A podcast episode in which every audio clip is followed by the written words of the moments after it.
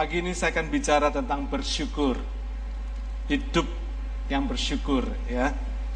Stephen Covey di dalam bukunya Seven Habits of Highly Effective People, Most Highly Effective People, dia berkata begini, ada hukum 90-10. Siapa yang pernah dengar hukum 90-10? Belum ya? Belum pernah dengar ya? Jadi hukum 90-10, 90 strip 10 itu artinya begini saudara. 10% dalam kehidupan kita ini kejadiannya itu tidak terkontrol. Saudara tidak bisa menebak, saudara tidak bisa mengontrol yang 10% ini. Saudara berangkat kerja tiba-tiba macet di jalan, saudara tidak bisa ngontrol. Saudara tidak bisa expect perjalanan saudara nggak pakai macet gitu ya. Saudara nggak bisa expect itu. Lalu saudara kerja, tiba-tiba saudara nggak dibayar, itu saudara nggak bisa ngontrol. Ya, itu cuma 10% dalam kehidupan kita apa yang terjadi seperti itu. Saudara enak-enak mau belajar tiba-tiba lampu mati, kira-kira begitu. Saudara nggak bisa ngontrol. Itu cuma terjadi cuma 10%. Hal-hal yang tidak terkontrol itu dalam hidup kita itu cuma 10%. Saudara. Sedangkan yang 90% di dalam kehidupan kita itu bisa dikontrol.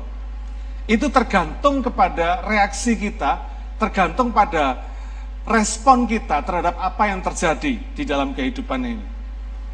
Itulah yang dimaksud dengan hukum 90-10, 90 dengan 10. Contoh, saya ambil contoh.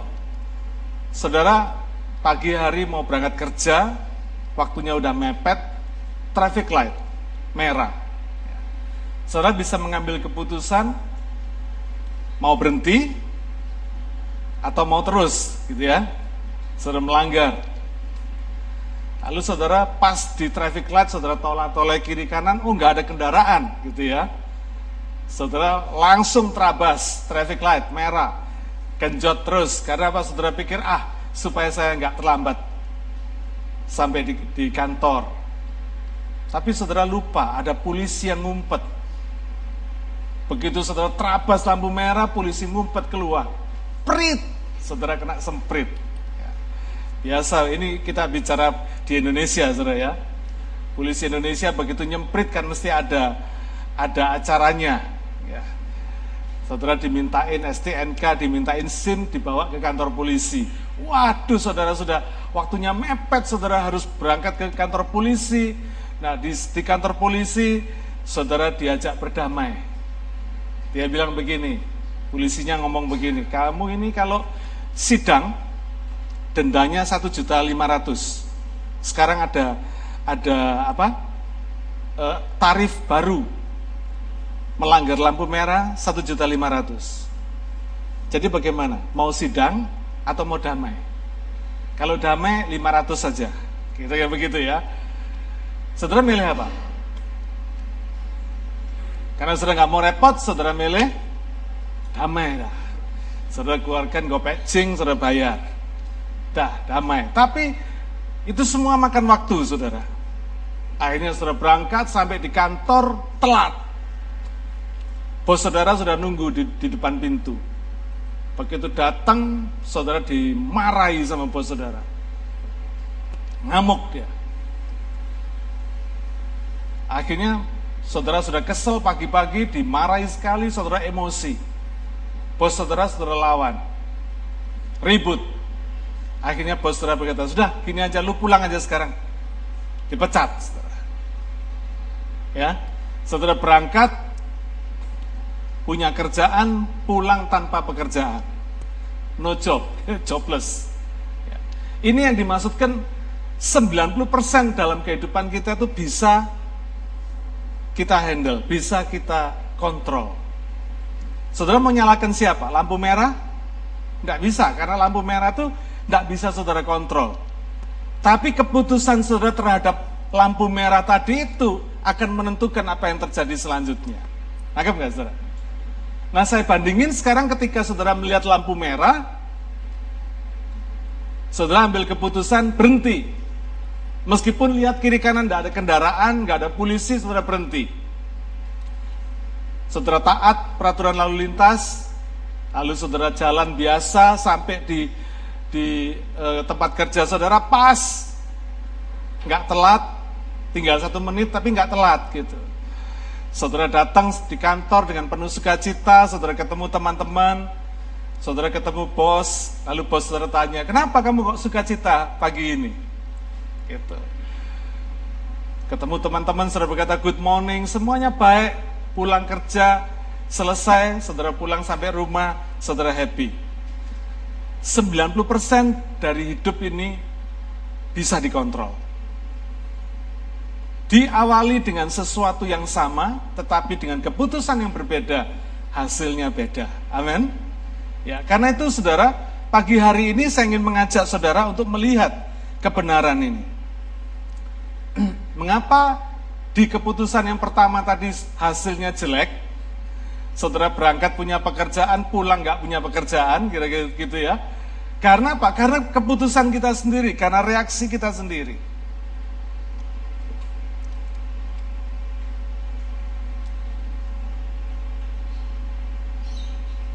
Hari ini saya ingin mengajak saudara melihat bahwa Alkitab itu mengajarkan kepada kita, khususnya orang percaya ini, suatu gaya hidup yang mampu mengontrol 90% ini.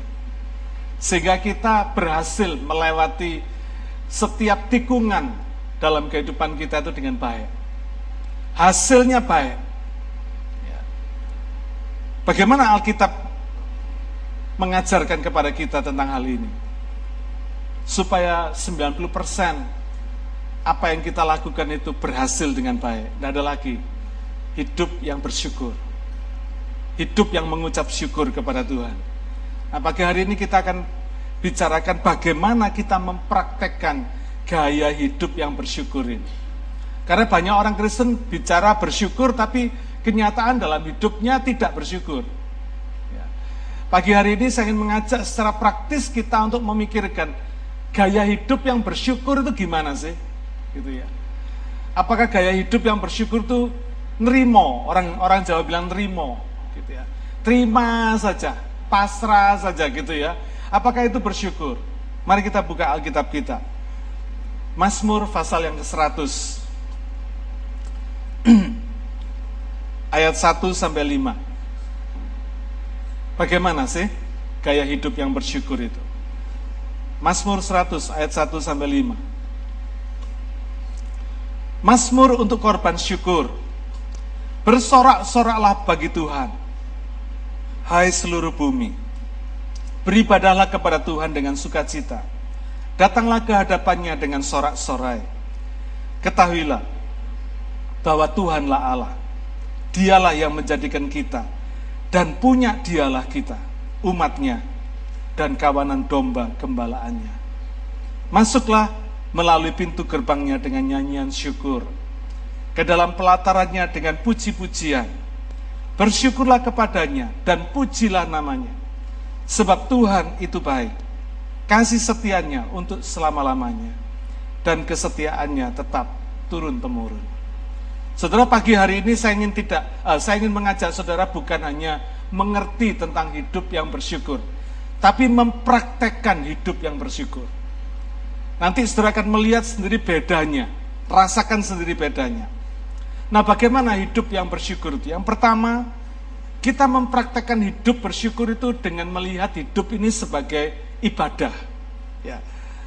Ayat yang ketiga berkata, eh, yang kedua berkata, beribadahlah kepada Tuhan dengan sukacita. Datanglah ke hadapannya dengan sorak-sorai.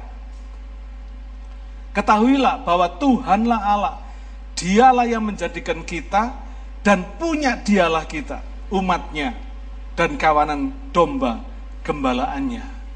Saudara kalau hari ini kita bisa percaya Tuhan Yesus, itu sungguh karena kasih karunia. Karena kebaikan Tuhan, bukan karena kebaikan saudara. Sehingga kita bisa mendapat anugerah keselamatan dari Tuhan.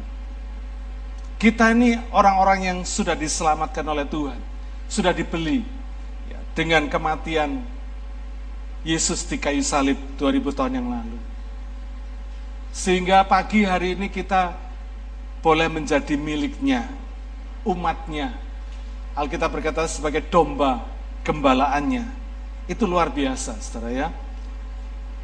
Artinya, saudara dibeli oleh Tuhan dari hidup yang sia-sia, dari hidup yang seharusnya mati binasa, menjadi hidup yang punya anugerah Tuhan, hidup kekal, hidup bersama Tuhan. Bayangkan saudara seperti seorang yang sudah mendapatkan keputusan hukuman mati, tiba-tiba dibebaskan karena ada orang yang menggantikan saudara. Ada orang yang rela mati buat menggantikan saudara. Sehingga hukuman mati saudara dibatalkan. Saudara dibebaskan. Ini satu keadaan di mana kita bisa melihat hidup ini sebagai orang percaya. Bahwa hidup ini sebuah ibadah. Sehingga saudara yang dulunya hidup bagi diri saudara sendiri, sekarang saudara hidup bagi Tuhan yang sudah membeli hidup kita ini.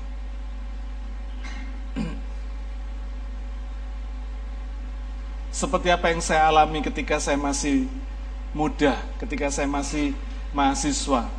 Saya tahu betul kalau dari segi kemampuan finansial, kemampuan ekonomi saya, saya tidak bakal bisa jadi insinyur, gitu ya, tidak bakal.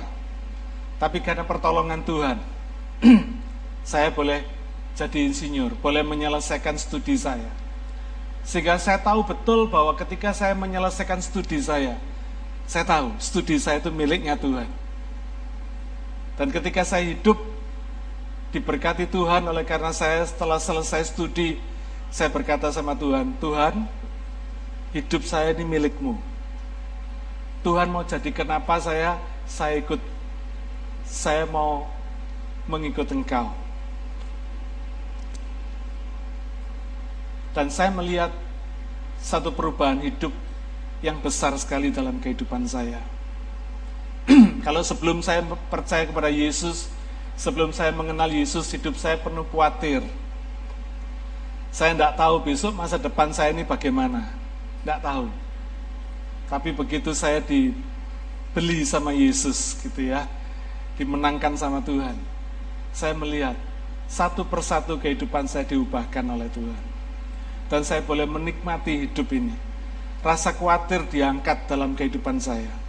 Sudah tidak punya lagi rasa khawatir akan masa depan. Saya mengalir bersama Tuhan hari lepas hari. Sampai ketika saya diberkati Tuhan dengan satu posisi kedudukan yang cukup baik di Indonesia, saya melihat Tuhan, Engkau ini luar biasa. Ajaib dalam kehidupan yang saya rasakan sendiri. Dari anak orang miskin bisa duduk makan semeja dengan presiden, dengan menteri, dengan jenderal.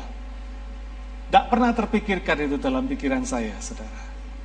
Tapi itulah yang terjadi. Saya melihat hidup yang diubahkan oleh Tuhan. Karena itu hari ini saya mau kasih tahu saudara, kalau ada yang masih punya rasa khawatir akan masa depan, khawatir akan hari esok itu bagaimana. Hari ini saya mau kasih tahu saudara, Jangan khawatir. Amin. Jangan khawatir. Karena hidup saudara itu, hidup orang yang percaya itu hidup yang sudah dibeli sama Tuhan. Hidup yang sudah diambil otoritasnya dari setan menjadi otoritas yang memiliki hidup saudara adalah Tuhan. Hidup dari di luar hadirat Tuhan sekarang dibawa di dalam satu kehidupan di dalam hadirat Tuhan, di dalam tanggung jawabnya Tuhan. Jadi seharusnya orang percaya tidak perlu khawatir. Amin.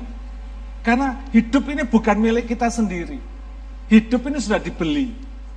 Karena itu orang percaya, orang Kristen itu tidak boleh hidup semau gue. Hidup seenaknya sendiri itu tidak bisa, saudara. Meskipun saudara bisa kerja, bisa cari duit, tapi duit saudara itu miliknya Tuhan. Tenaga saudara itu miliknya Tuhan. Kayak tadi Mei bersaksi. Kalau kita mau kehilangan penglihatan kita dalam satu detik bisa kehilangan penglihatan. Kalau hari ini telinga kita masih bisa mendengar dengan jelas, itu karena Tuhan. kebaikannya dalam hidup kita itu luar biasa. Jadi andai kata hari ini saudara masih kuat, masih bisa bekerja, masih bisa sekolah, masih pinter dan sebagainya, ingat bahwa semuanya itu miliknya Tuhan. Waktu kita ini diberi, dipinjemi Tuhan, kira-kira begitu ya. Dikasih kita ini pinjem waktu ini supaya apa? Di dalam kurun waktu ini kita menggunakannya dengan baik, dengan sungguh-sungguh untuk memuliakan Dia. Kalau hari ini saudara masih bisa sekolah, ingat Sekolah saudara itu ibadah kepada Tuhan. Tadi saya katakan hidup kita ini ibadah kepada Tuhan. Jadi kalau hari ini jantung kita ini berdenyut, paru-paru kita ini masih bisa berkembang, itu karena Tuhan mengizinkan kita masih diizinkan untuk beribadah kepada Tuhan. Hidup ini untuk supaya saudara beribadah kepada Tuhan, bukan beribadah kepada duit. Semua orang perlu uang, tapi jangan beribadah kepada uang. Jangan menempatkan uang sebagai sasaran tujuan utama. Sampai ke gereja aja nggak sempat karena kerja, karena alasan kerja. Ini sudah nggak betul, saudara. Saudara berdosa kepada Tuhan. Saya tahu betul kalau weekend itu kalau kerja gajinya double bahkan triple. Tetapi jangan sampai nilai uang tadi itu mengalahkan nilai ibadah saudara kepada Tuhan. Rugi besar. Ya. Saudara pikir, oh kalau saya kerja weekend, saya bisa dapat double, triple pay. Kelihatannya sudah dapat nilai duit. Nilainya bisa dihitung, terbatas toh. Biar double, biar triple, tetap bisa dihitung toh, bisa dikalkulasi sebatas ya segitu kan. Tetapi apa yang bakal saudara terima dari Tuhan ketika saudara menempatkan dia sebagai yang utama dalam hidup ini. Saudara menghormati dia sebagai yang utama dalam hidup ini. Berkatnya itu bukan cuma sekedar duit saudara. Bukan. Kesehatan saudara itu berkat yang dia berikan. Kecerdasan saudara itu berkat yang dia berikan. Sampai ketika saudara sekolah, ketika saudara bekerja, saudara bisa bekerja dengan cerdas, dengan baik, disukai orang, itu juga karena berkat Tuhan. Amin. Iya loh saudara, orang yang disukai orang itu kadang-kadang orang sederhana tapi disukai orang diberkati saudara. Ya. Ada banyak toko, toko yang jual barang yang sama. Tapi kadang sudah bisa lihat ya, ada satu toko yang rame luar biasa. Yang satunya sepi luar biasa. Jual barang yang sama, harga yang sama. Kenapa yang satu rame, yang lainnya sepi? Kenapa? Karena berkat Tuhan ada mengalir di situ. Amin. Saudara ini penting sekali. Kesehatan, kekuatan kita, perlindungan, itu semua berkat Tuhan. Ada banyak orang yang mengalami kesialan dalam hidupnya. Jalan ke Nanti keluar rumah sedikit masuk angin. Naik mobil diserempet beca. Ada saja. Pernah nggak sudah ketemu sama orang yang begini?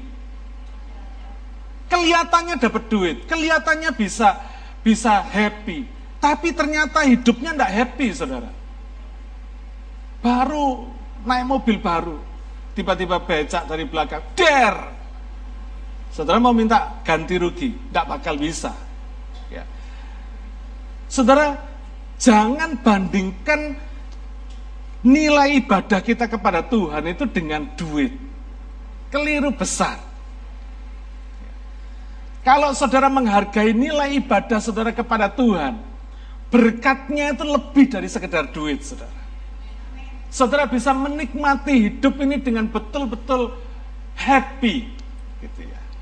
Mungkin duitnya tidak triple, tidak double, tetapi happy-nya itu yang tidak bisa dibeli. Amin.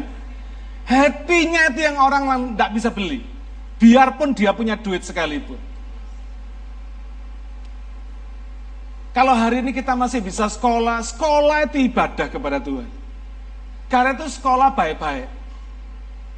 Bukan cuma sekedar pulang dapat ijazah, tidak.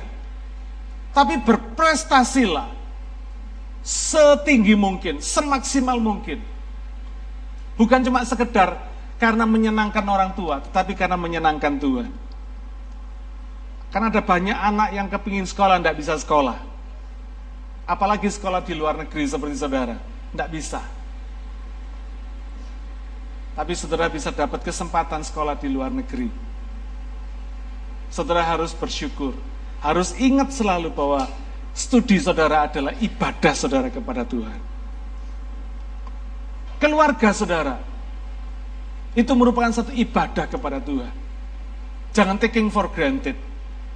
Mentang-mentang saudara sudah laku kawin, terus saudara anggap, ya kan sudah toh, sudah selesai toh.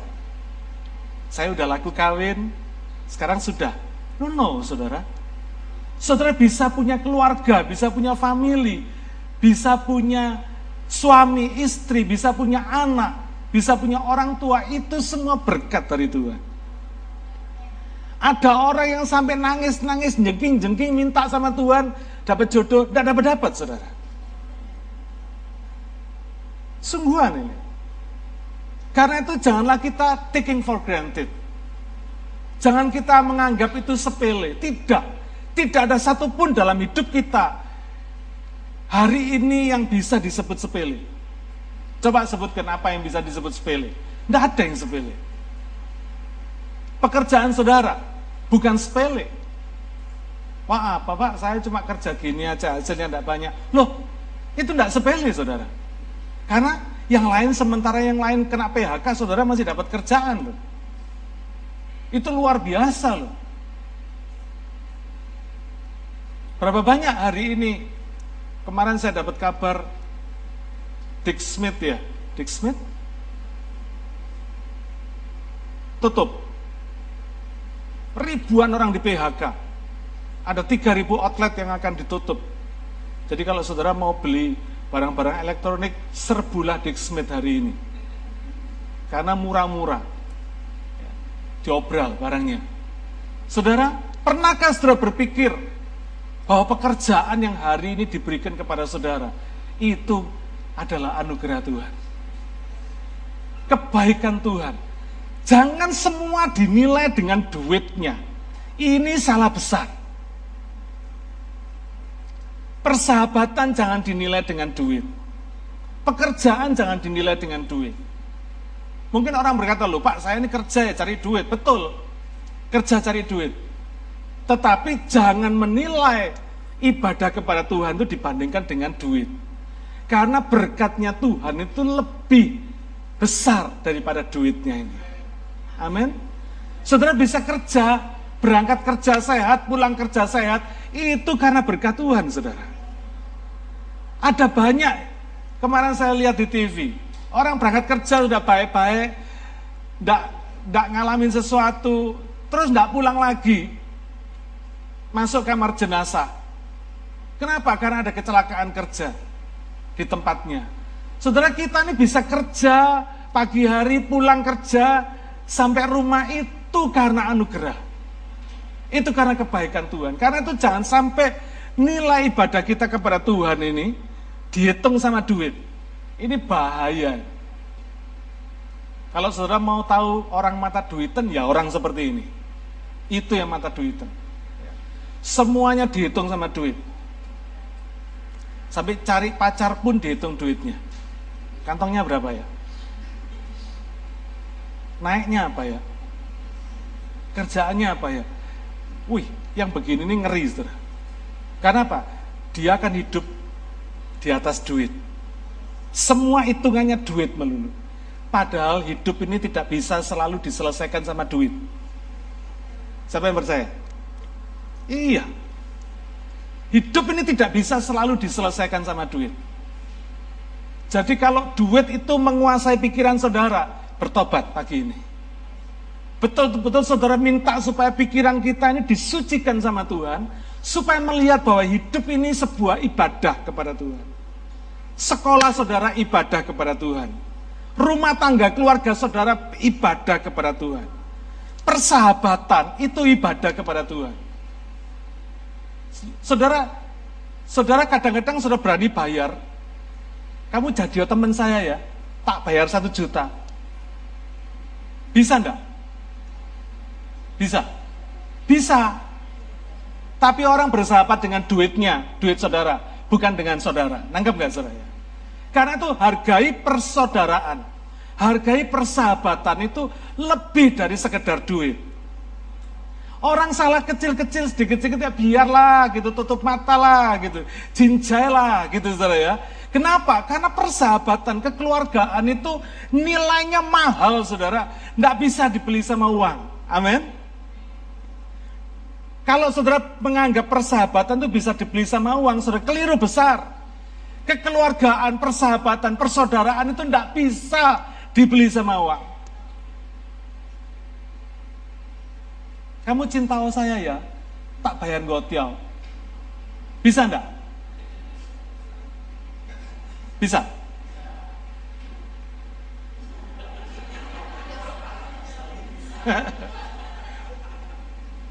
Artinya saudara cinta sama duitnya. Bukan cinta sama orangnya, betul nggak? Kalau cinta itu tidak bisa dibayar, saudara. Coba tanya sini suami istri yang ada tanya, lu dulu cinta sama gua kenapa? Coba tanya. Coba tanya.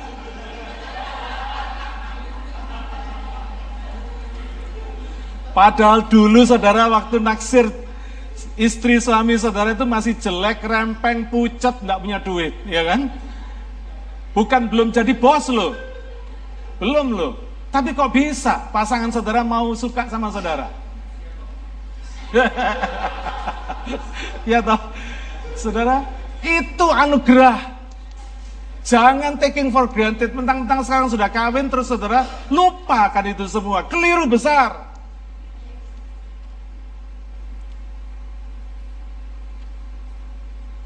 Banyak suami-suami yang mengeluh kepada saya berkata, Pak, istri saya itu cuma mikiri gaji saya tok, Pak.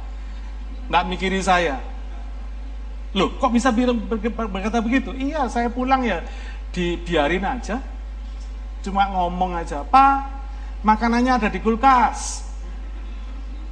Saudara, betul saudara sudah memberikan itu semua sudah baik. Tapi ada satu yang perlu, perhatian. Lain loh saudara. Sambil saudara nonton TV sambil ngomong, Pak makanannya di kulkas. Ya bisa memang suami saudara ngambil makanan sendiri di kulkas, manasi sendiri di di apa microwave, terus makan sendiri ya bisa, tapi beda nilainya dengan ketika saudara bangun berdiri, Hai Pak, welcome. Puji Tuhan kamu sudah pulang ya. Kamu pulang selamat ya, sehat puji Tuhan. Terus saudara sediakan minum, sediain makanan itu nilainya beda, saudara. Amin. Saya percaya, kenapa banyak orang mengabaikan hal-hal kecil dalam tanda petik seperti itu. Karena nggak peka bahwa hidup ini ibadah kepada Tuhan. Nggak peka bahwa dari hal-hal yang kecil itu bisa menimbulkan yang besar, saudara. Kalau suami saudara merasa diperhatikan, dicintai, sungguh-sungguh oleh istri, dan bahkan sebaliknya oleh suami, lain saudara. Hatinya itu lain saudara. Amin. Lain.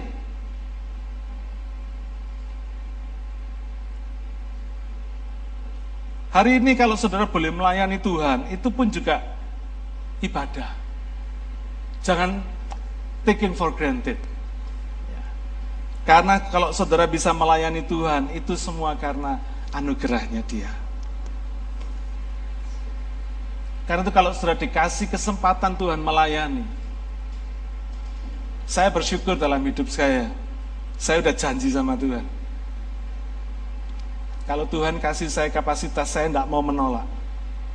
Saya tidak pernah dalam hidup saya minta sama Tuhan, Tuhan, terlalu berat Tuhan, pelayanan saya ini terlalu berat, kurangi Tuhan. Jangan Tuhan. Oh, tidak mau saya saudara. Karena saya tahu Tuhan tidak pernah mengurangi kapasitas seseorang. Nambahi iya. Baca Matius pasal 25. Di situ terakhir Tuhan berkata begini, Barang siapa yang memiliki, dia akan diberi. Barang siapa yang tidak memiliki, apa pun yang ada padanya akan diambil. Tuhan tidak pernah mengurangi kapasitas hidup kita, tapi Tuhan akan selalu menambahkan kapasitas hidup kita. Kelihatannya sudah tambah berat, tambah berat, tambah berat. Enggak. Kenapa? Karena Tuhan tahu kapasitas saudara, kemampuan saudara. Jadi jangan pernah menolak. Kalau Tuhan beri, Tuhan kasih kesempatan, jangan pernah menolak. Bilang, terima kasih Tuhan karena engkau mempercayai saya. Amin. Terima kasih Tuhan. Karena engkau mempercayakan pelayanan ini kepada saya. Dan kalau Tuhan sudah mempercayakan pelayanan itu kepada kita, saudara hargai betul-betul itu. Jangan cuma sekedar, Allah cuma gini aja. Melayani di gereja, tidak dibayar kok. Gratisan kok. Oh, saudara jangan berkata gratisan yang bayar Tuhan. Amin. Gereja saudara tidak bisa bayar saudara, gak kuat bayar saudara. Duitnya nggak cukup, karena saudara terlalu profesional. Tapi Bapak di sorga yang membayar, yang memberikan kepada saudara. Dengan apa? Dengan kehidupan ini. Saudara masih dikasih hidup hari ini, puji Tuhan. Sementara yang lain sudah jadi almarhum, kita masih bisa hidup. Masih bisa menikmati lontong cap gome Haleluya. Betul nggak saudara? Jangan di, dianggap itu, oh nggak dibayar. Jadi saya enaknya saja mau mau uh, melayani hari ini, oke, okay. besok melayani, oke, okay. minggu depan nggak melayani, oke, okay. oh nggak oke okay, saudara. Karena apa? Saudara melayani dia, raja segala raja. Kalau bos di dunia aja nggak mau saudara dilayani dengan sekedarnya, ala kadarnya. Enggak. Itu yang bisa bayar saudara terbatas. Ya toh? Terbatas. Bayari saudara itu terbatas. Tapi Tuhan, bayari kita itu tidak terbatas. Saudara tidak bisa beli satu hari, tidak bisa. Kalau besok pagi saudara bilang, eh cukup lu hidup, pulang. Pulang saudara. Amin. Siapa yang mengizinkan kita masih hidup hari ini? Dia. Karena itu jangan taking for granted hidup ini. Karena itu hidup ini adalah ibadah. Amin. Coba ngomong kiri kanan saudara. Ingat ya, hidup ini ibadah. Sekolah ibadah. Pekerjaan ibadah. Keluarga ibadah. Jangan sampai lupa ini saudara. Jadi kalau saudara mau menikmati hidup ini, bersyukur. Lihat hidup ini sebagai sebuah ibadah kepada Tuhan. Nah, mengapa sering kali kita ini kurang bersyukur kepada Tuhan atas hidup ini? Saudara tak kasih tahu rahasianya. Kenapa banyak orang termasuk orang Kristen tidak bisa bersyukur dalam hidup ini? Saya kasih tahu saudara, otak kita itu mengeluarkan satu hormon yang namanya dopamin. Nah, hormon dopamin ini itu yang disebut sebagai neurotransmitter. Dilepaskan oleh otak kita ini supaya bisa kalau saudara bisa bergerak hari ini untuk movement itu karena adanya hormon ini. Kalau enggak saudara cuma hidup gini. Enggak bisa bergerak.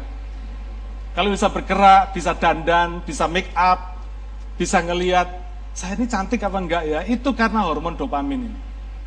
Ya. Saudara bisa mengingat punya utang. Ingat gitu ya. Itu karena hormon dopamin ini. Kalau enggak sudah utang enggak ingat saudara. Utang kemarin hari ini sudah lupa kalau punya utang. Karena hormon dopamin ini. Ya. Saudara bisa pleasurable reward, bisa merasakan seneng kalau saudara dapat gaji, dapat hadiah, itu karena hormon dopamin ini. Tapi termasuk juga hormon dopamin ini bicara tentang behavior and cognition, bicara tentang sikap dan pengertian. Ya. Lalu bicara tentang sudah bisa tidur. Itu karena hormon dopamin ini. Kalau enggak, saudara cuma melek terus gini. Ketap ketip terus. Ada di sini yang orang yang susah tidur. Pasti ada yang nggak beres sama hormon dopaminnya. Gitu ya. Mungkin kekurangan hormon dopamin ini sampai nggak bisa tidur gitu ya. Tapi ada orang yang tidurnya berlebihan. Ada nggak? Ini sama nggak beresnya, saudara? tidur mulai jam 3 siang, bisa bangun besok paginya jam 9 pagi. Ada yang bisa begitu. Ini karena nggak beres. Hormon dopaminnya kebanyakan mungkin saudara ya. Tidurnya nggak kenal waktu. Suasana hati, mood. Itu juga karena hormon dopamin ini. Saudara bisa belajar, learning something. Itu karena hormon dopamin ini. Nah, segala kelebihan ataupun kekurangan hormon dopamin ini membuat fungsi-fungsi yang seharusnya dikerjakan menjadi nggak beres. Tadi yang saya katakan ya, jadi nggak beres. Saya kasih contoh, fungsinya hormon dopamin yang bikin orang itu nggak bisa mengucap syukur. Ya. Bukan salahnya hormon dopamin, bukan. Hormon dopamin ini baik karena dihasilkan oleh otak, itu nggak masalah. Tetapi kita sendiri kita sendiri ini yang yang menanggapi hormon ini yang membuat kita ini keputusan-keputusan yang 90% tadi itu tidak beres. Itu kita sendiri. Satu hari dibuat percobaan. Orang bikin kue tart. Tahu ya kue tart ya? Satu dibikin bunder, satu dibikin bentuknya persegi. Disajikan, semua orang disuruh coba, merasakan Kue tart yang satu dikasih harga, dikasih tulisan di situ harganya 15 dolar. Kue tart yang lain dikasih harga 35 dolar. Beda. Lalu orang suruh nyoba. Apa yang terjadi, saudara? Orang bilang yang 35 dolar ini rasanya lebih gurih, lebih enak, lebih moist gitu ya lebih nikmat dan sebagainya dibandingkan dengan harga yang dibandingkan dengan kue tart yang harganya 15 dolar. Padahal dua kue tart ini dibikin persis sama. Dari adonan yang sama, yang satu dicetak modelnya bunder, yang satu dicetak modelnya persegi, dihias sama semua dengan bahan yang sama. Hanya karena yang satu dikasih tanda 35 dolar, yang satu dikasih tanda 15 dolar. Itu orang sudah langsung ngejudge yang 35 dolar lebih enak daripada yang 15 dolar. Nangkep gak saudara ya? Salah siapa? Salah hormon dopaminnya atau salah orangnya sendiri? Salah orangnya sendiri karena kita ini sudah terbiasa gitu ya. Pikiran kita ini kayak tadi motor duiten. Gitu ya. Karena dipengaruhi dengan nilai-nilai tadi itu. Saudara berpikir kalau nilainya 35 dolar, wow pasti lebih enak daripada yang 15 dolar. Ya toh? Nanti boleh dibikin percobaan ya. Boleh dibikin percobaan. Bagi saudara yang bisa bikin kue, coba bikin percobaan. Saudara bikin kue yang sama, dihias di, di yang sama, yang satu kasih ono nilai 15 dolar, yang satu kasih ono nilai 75 dolar, suruh nyoba seluruh jemaat. Gitu. Nanti saudara akan melihat hasilnya bagaimana. Jelas bukan salah hormon dopaminnya, tetapi salah kita sendiri yang ngejudge. Orang-orang itu yang ngejudge dengan dasar apa? Cuma tanda, tok loh saudara. Cuma dikasih tanda nilainya 35 dolar. Itu sudah dianggap bagus.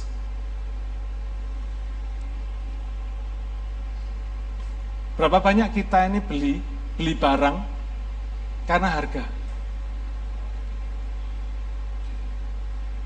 Kalau yang mereknya LV gitu ya, wah ini masih bagus nih.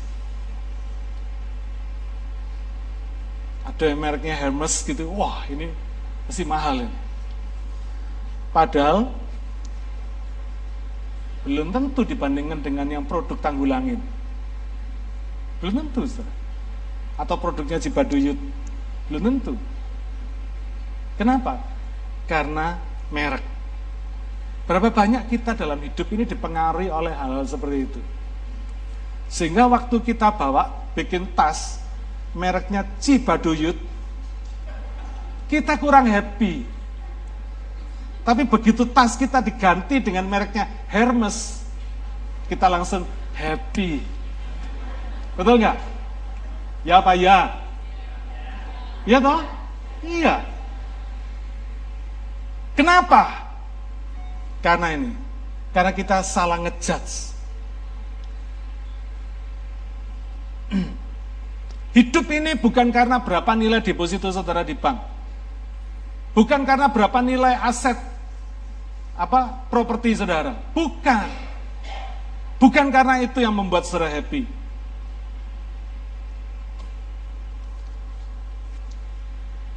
Saudara ingat perumpamaan 5, 2, 1 talenta? Ada yang dikasih satu, dua, lima talenta. Yang dapat dua talenta dengan yang lima talenta dipuji Tuhan. Karena Pak sudah melakukan tanggung jawabnya terhadap kapasitas yang Tuhan berikan. Yang Tuhannya berikan. Sama-sama. Kasih dua, dia berhasil dua. Kasih lima, dia berhasil lima. Dapat lima. Sama-sama. Dipuji sama Tuannya. Dengan pujian yang sama. Nah inilah yang disebut kebahagiaan. Bahagia itu bukan karena sama-sama kita sama-sama punya sepuluh, kamu sepuluh, saya sepuluh, happy saya. Kalau kamu sepuluh, saya cuma dua, tidak happy saya. Keliru saudara. Bukan karena itu. Hidup ini kalau mau bersyukur, jangan terus-terusan nilai-nilai. Nil, lihat nilai yang bisa dihitung tadi itu. Saudara tidak bakal bisa bersyukur. Tapi bersyukurlah ketika sudah bisa melihat nilai yang tidak terhitung. Nilai yang terhitung tadi itu terbatas saudara. Biar berapapun nilainya, tas Hermes tadi itu juga terbatas kok. Coba ya, saya mau ajak saudara berpikir. Saya pakai tas Hermes nih. Nilai tas satu tas itu harganya ada yang 50 juta, ada yang 100 juta, ada yang 150 juta satu tas ini. Berharga enggak ini? Berharga enggak? Berharga. Berharga mana tas ini sama yang pakai? Yang pakai toh? Sekarang sudah bisa ngomong yang pakai. Tapi begitu sudah pakai tas Hermes lupa kalau diri saudara ini lebih berharga dari tas saudara. Nanggap gak saudara? Jadi jangan sampai kehidupan kita ini di, dibikin berharga oleh karena apa yang saudara pakai. Keliru. Amin. Selalu ingat bahwa hidup yang saudara miliki ini adalah hidup ibadah kepada Tuhan. Itu yang berharga. Bukan dari apa yang saudara pakai. Jadi saudara pakai apa pun, silahkan pede, kira-kira begitu ya. Jangan sampai sudah minder karena sudah pakai tas merek Cibaduyut. Oh jangan. Karena apa? Hidup kita ini lebih berharga daripada apa yang kita pakai. Amin. Ya. Mari kita bersyukur bukan karena apa yang kita punya. Mari kita bersyukur karena siapa yang kita punya. Lain saudara. Lain. Saudara lihat suami saudara sekarang. Udah kempot, kurus gitu ya. Nggak nganteng lagi gitu. Terus saudara nggak bisa menghargai. Keliru saudara. Keliru. Biar kempot masih ada. Ayo. Daripada ndak ada, ganteng kayak Marlon Brando tapi sudah almarhum saudara janda, ya mending hari ini saudara masih punya suami, betul nggak? Biar kempot, biar nggak ganteng lagi, biar kurus, tapi itu suami saudara, hargailah dia, amin. Itu istri saudara, biar nggak langsing lagi, sekarang sudah langsung, nggak apa-apa, berharga dia, amin. Hargai dia. Banyak kita kurang menghargai. Kenapa? Karena pikiran kita pada apa tadi itu. Apa yang saya punya. lupa bahwa yang berharga itu adalah siapa yang saya punya. Amin. Bukan apa, apa itu barang saudara. Kalau siapa itu orang, amin. Itu penting. Siapa yang kita punya? Tuhan Yesus. Berharga dia, amin. Siapa yang kita punya? Saya masih hidup, berharga kita. Hidup kita ini berharga. Jangan sampai nilai kehidupan kita ini ditentukan dengan arloji Rolex kita, tas Hermes kita, LV kita. Jangan sampai itu yang membuat hidup saudara, nilai hidup saudara ini berharga. Keliru besar. Keliru besar. Amin. Satu, hidup ini ibadah. Itu yang membuat hidup kita ini bisa bersyukur. Puji Tuhan tidak minder. Saudara mau ke mana saja, pakai apa saja, naik apa saja, happy. Saudara bersyukur. Bukan karena apa yang saudara pakai. Amin. Yang kedua, bersuka cita. Ini penting. Banyak orang baru bisa bersuka cita kalau mengalami hal-hal yang baik. Kalau kerjaan lancar, happy saya Pak. Kalau semua oke, okay, happy saya. Padahal saya mau kasih tahu saudara, faktanya hidup ini colorful. Colorful itu artinya tidak selalu merah, tidak selalu kuning, tidak selalu putih, tidak selalu hitam. Kira-kira begitu. Ada pasang, ada surut. Ada naik, ada turun. Ada kurang, ada lebih. Ya. Ada duka cita, ada sukacita ada baik, ada buruk. Itulah fakta kehidupan. Realitinya itu begitu, saudara. Yang cuma hidup mulus, cuma ada di film. Lahir jadi anak orang kaya, besar kerja jadi konglomerat, gitu ya. Nanti mati masuk surga itu cuma di film, saudara. Yang ada hidup itu realitanya, itu bisa naik turun pasang surut, bisa kurang lebih, itu hidup. Itu faktanya. Jadi kalau hari ini sudah menghadapi hidup yang naik turun pasang surut dan sebagainya, biasa. Itulah kehidupan. Amin. Itulah sesuatu yang biasa, yang tidak tidak luar biasa. Nah, banyak orang baru bisa bersuka cita kalau yang dia alami happy, baik, keliru. Justru keputusan kita untuk bersuka cita dalam setiap situasi itu yang akan membuat segala keadaan kita jadi baik. Amin. Jadi ketika kita mengambil keputusan, aku akan bersuka cita. Apa pun yang terjadi dalam kehidupanku ini. Mau naik, mau turun, mau pasang, mau surut, mau apa pun juga, aku akan bersuka cita. Itu yang membuat ketika saudara naik, saudara happy, ketika saudara turun pun, saudara tetap happy. Amin. Mau mengalami situasi apa pun juga, saudara akan tetap happy. Karena keputusan kita untuk bersuka cita, itu yang membuat keadaan kita menjadi baik. Yang tidak baik menjadi baik. Yang sudah baik menjadi lebih baik. Itu karena keputusan kita untuk bersuka cita. Saya menikmati hidup ini dari hal yang paling kecil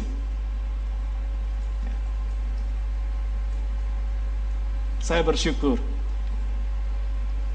Bagi saya tidak ada yang kecil. Karena semua yang dari Tuhan itu besar.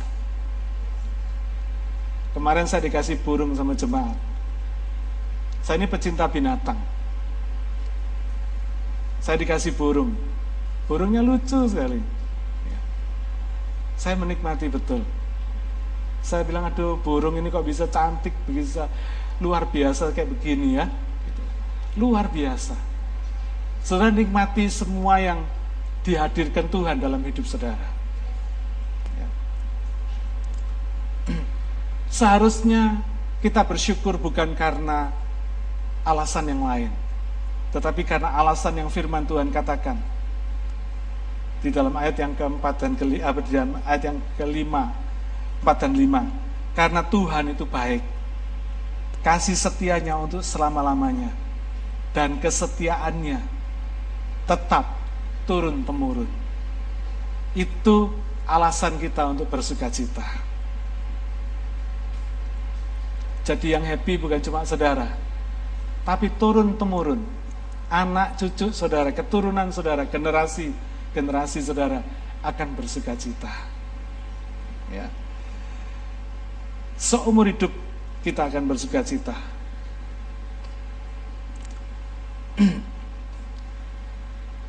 Satu hari ada auction, lelang. Ini saudara saya mau kasih tahu saudara, kenapa sering kali kita tidak bisa bersyukur. Satu hari ada lelang, lelangnya unik. Lelangnya itu adalah uang notes, uang kertas gitu ya, nilainya 20 dolar. Siapa yang mulai mau menawar, mau beli uang notes ini dengan nilai berapa? Dimulai dengan satu dolar. Ketika uang notes ini dimulai ditawarkan dengan satu dolar, banyak orang angkat tangan. Lalu ditawarkan lagi, 2 dolar. Banyak. Sampai 20 dolar. Masih ada yang menawar. Saya pikir kalau sudah lelang 20 dolar, uang notes, uang harganya 20 dolar, ditawarkan 20 dolar. Mestinya kan ya, kalau sudah mencapai nilainya dia kan berhenti toh lelangnya. Ternyata ini enggak, saudara. Saya pikir berhenti, ternyata enggak. Ini enggak berhenti. Ternyata orang tuh masih berani ngebit gitu ya.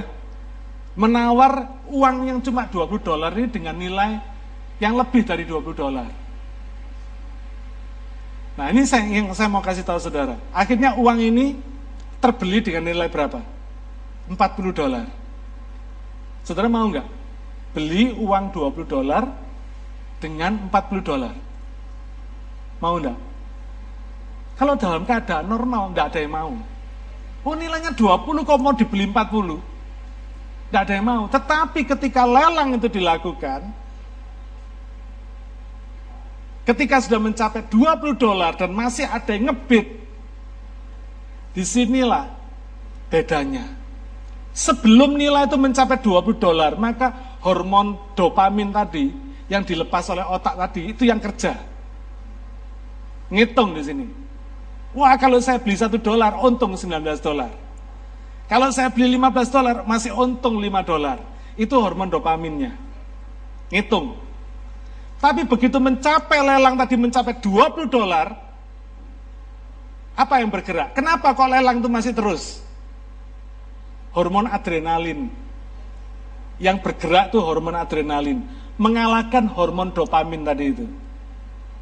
Sehingga berani dia. Kenapa? Ini sudah urusan gengsi. Harus menang. Harus gua yang menang. Tidak boleh orang lain yang menang. Ini adrenalin. Nangkap saudara ya?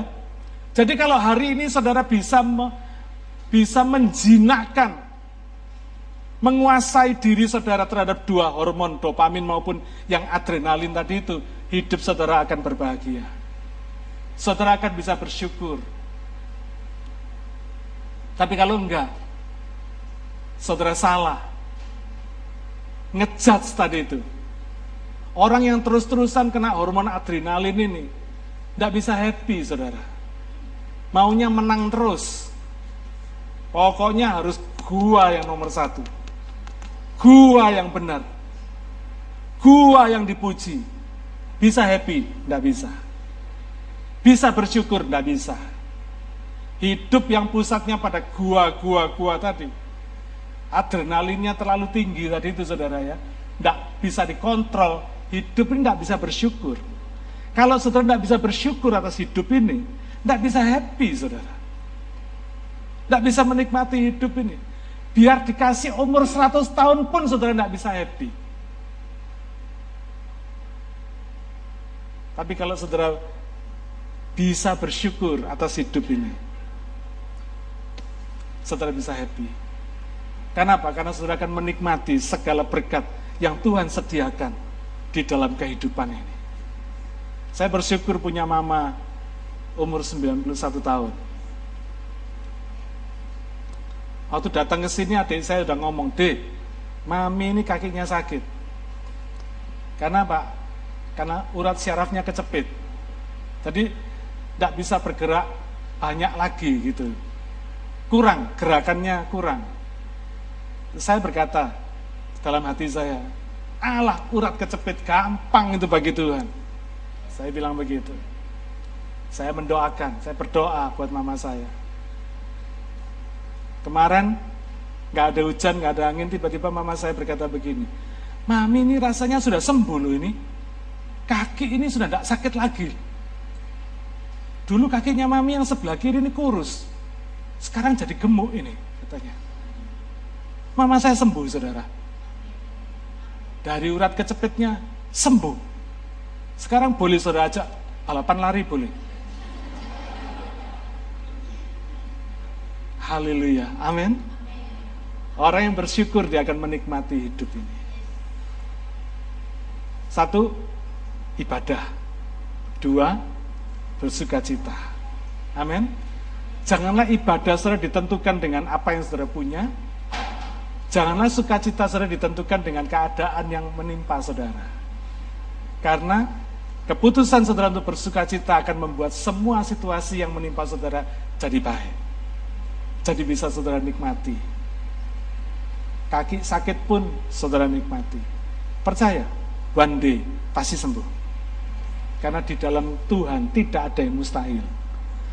Yesaya pasal 53 ayat yang kelima mengatakan, oleh bilur-bilurnya kita sudah disembuhkan. Janjinya Tuhan, saudara sakit apa saja, tidak peduli sakitnya. Bagi Tuhan itu enggak, enggak pusing, enggak peduli sakitnya.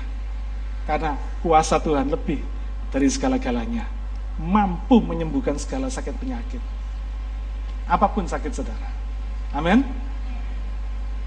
Ingat ya, kunci hidup yang bersyukur. Satu apa? Ibadah. Kedua apa? Sukacita. Mari kita tundukkan kepala, kita berdoa.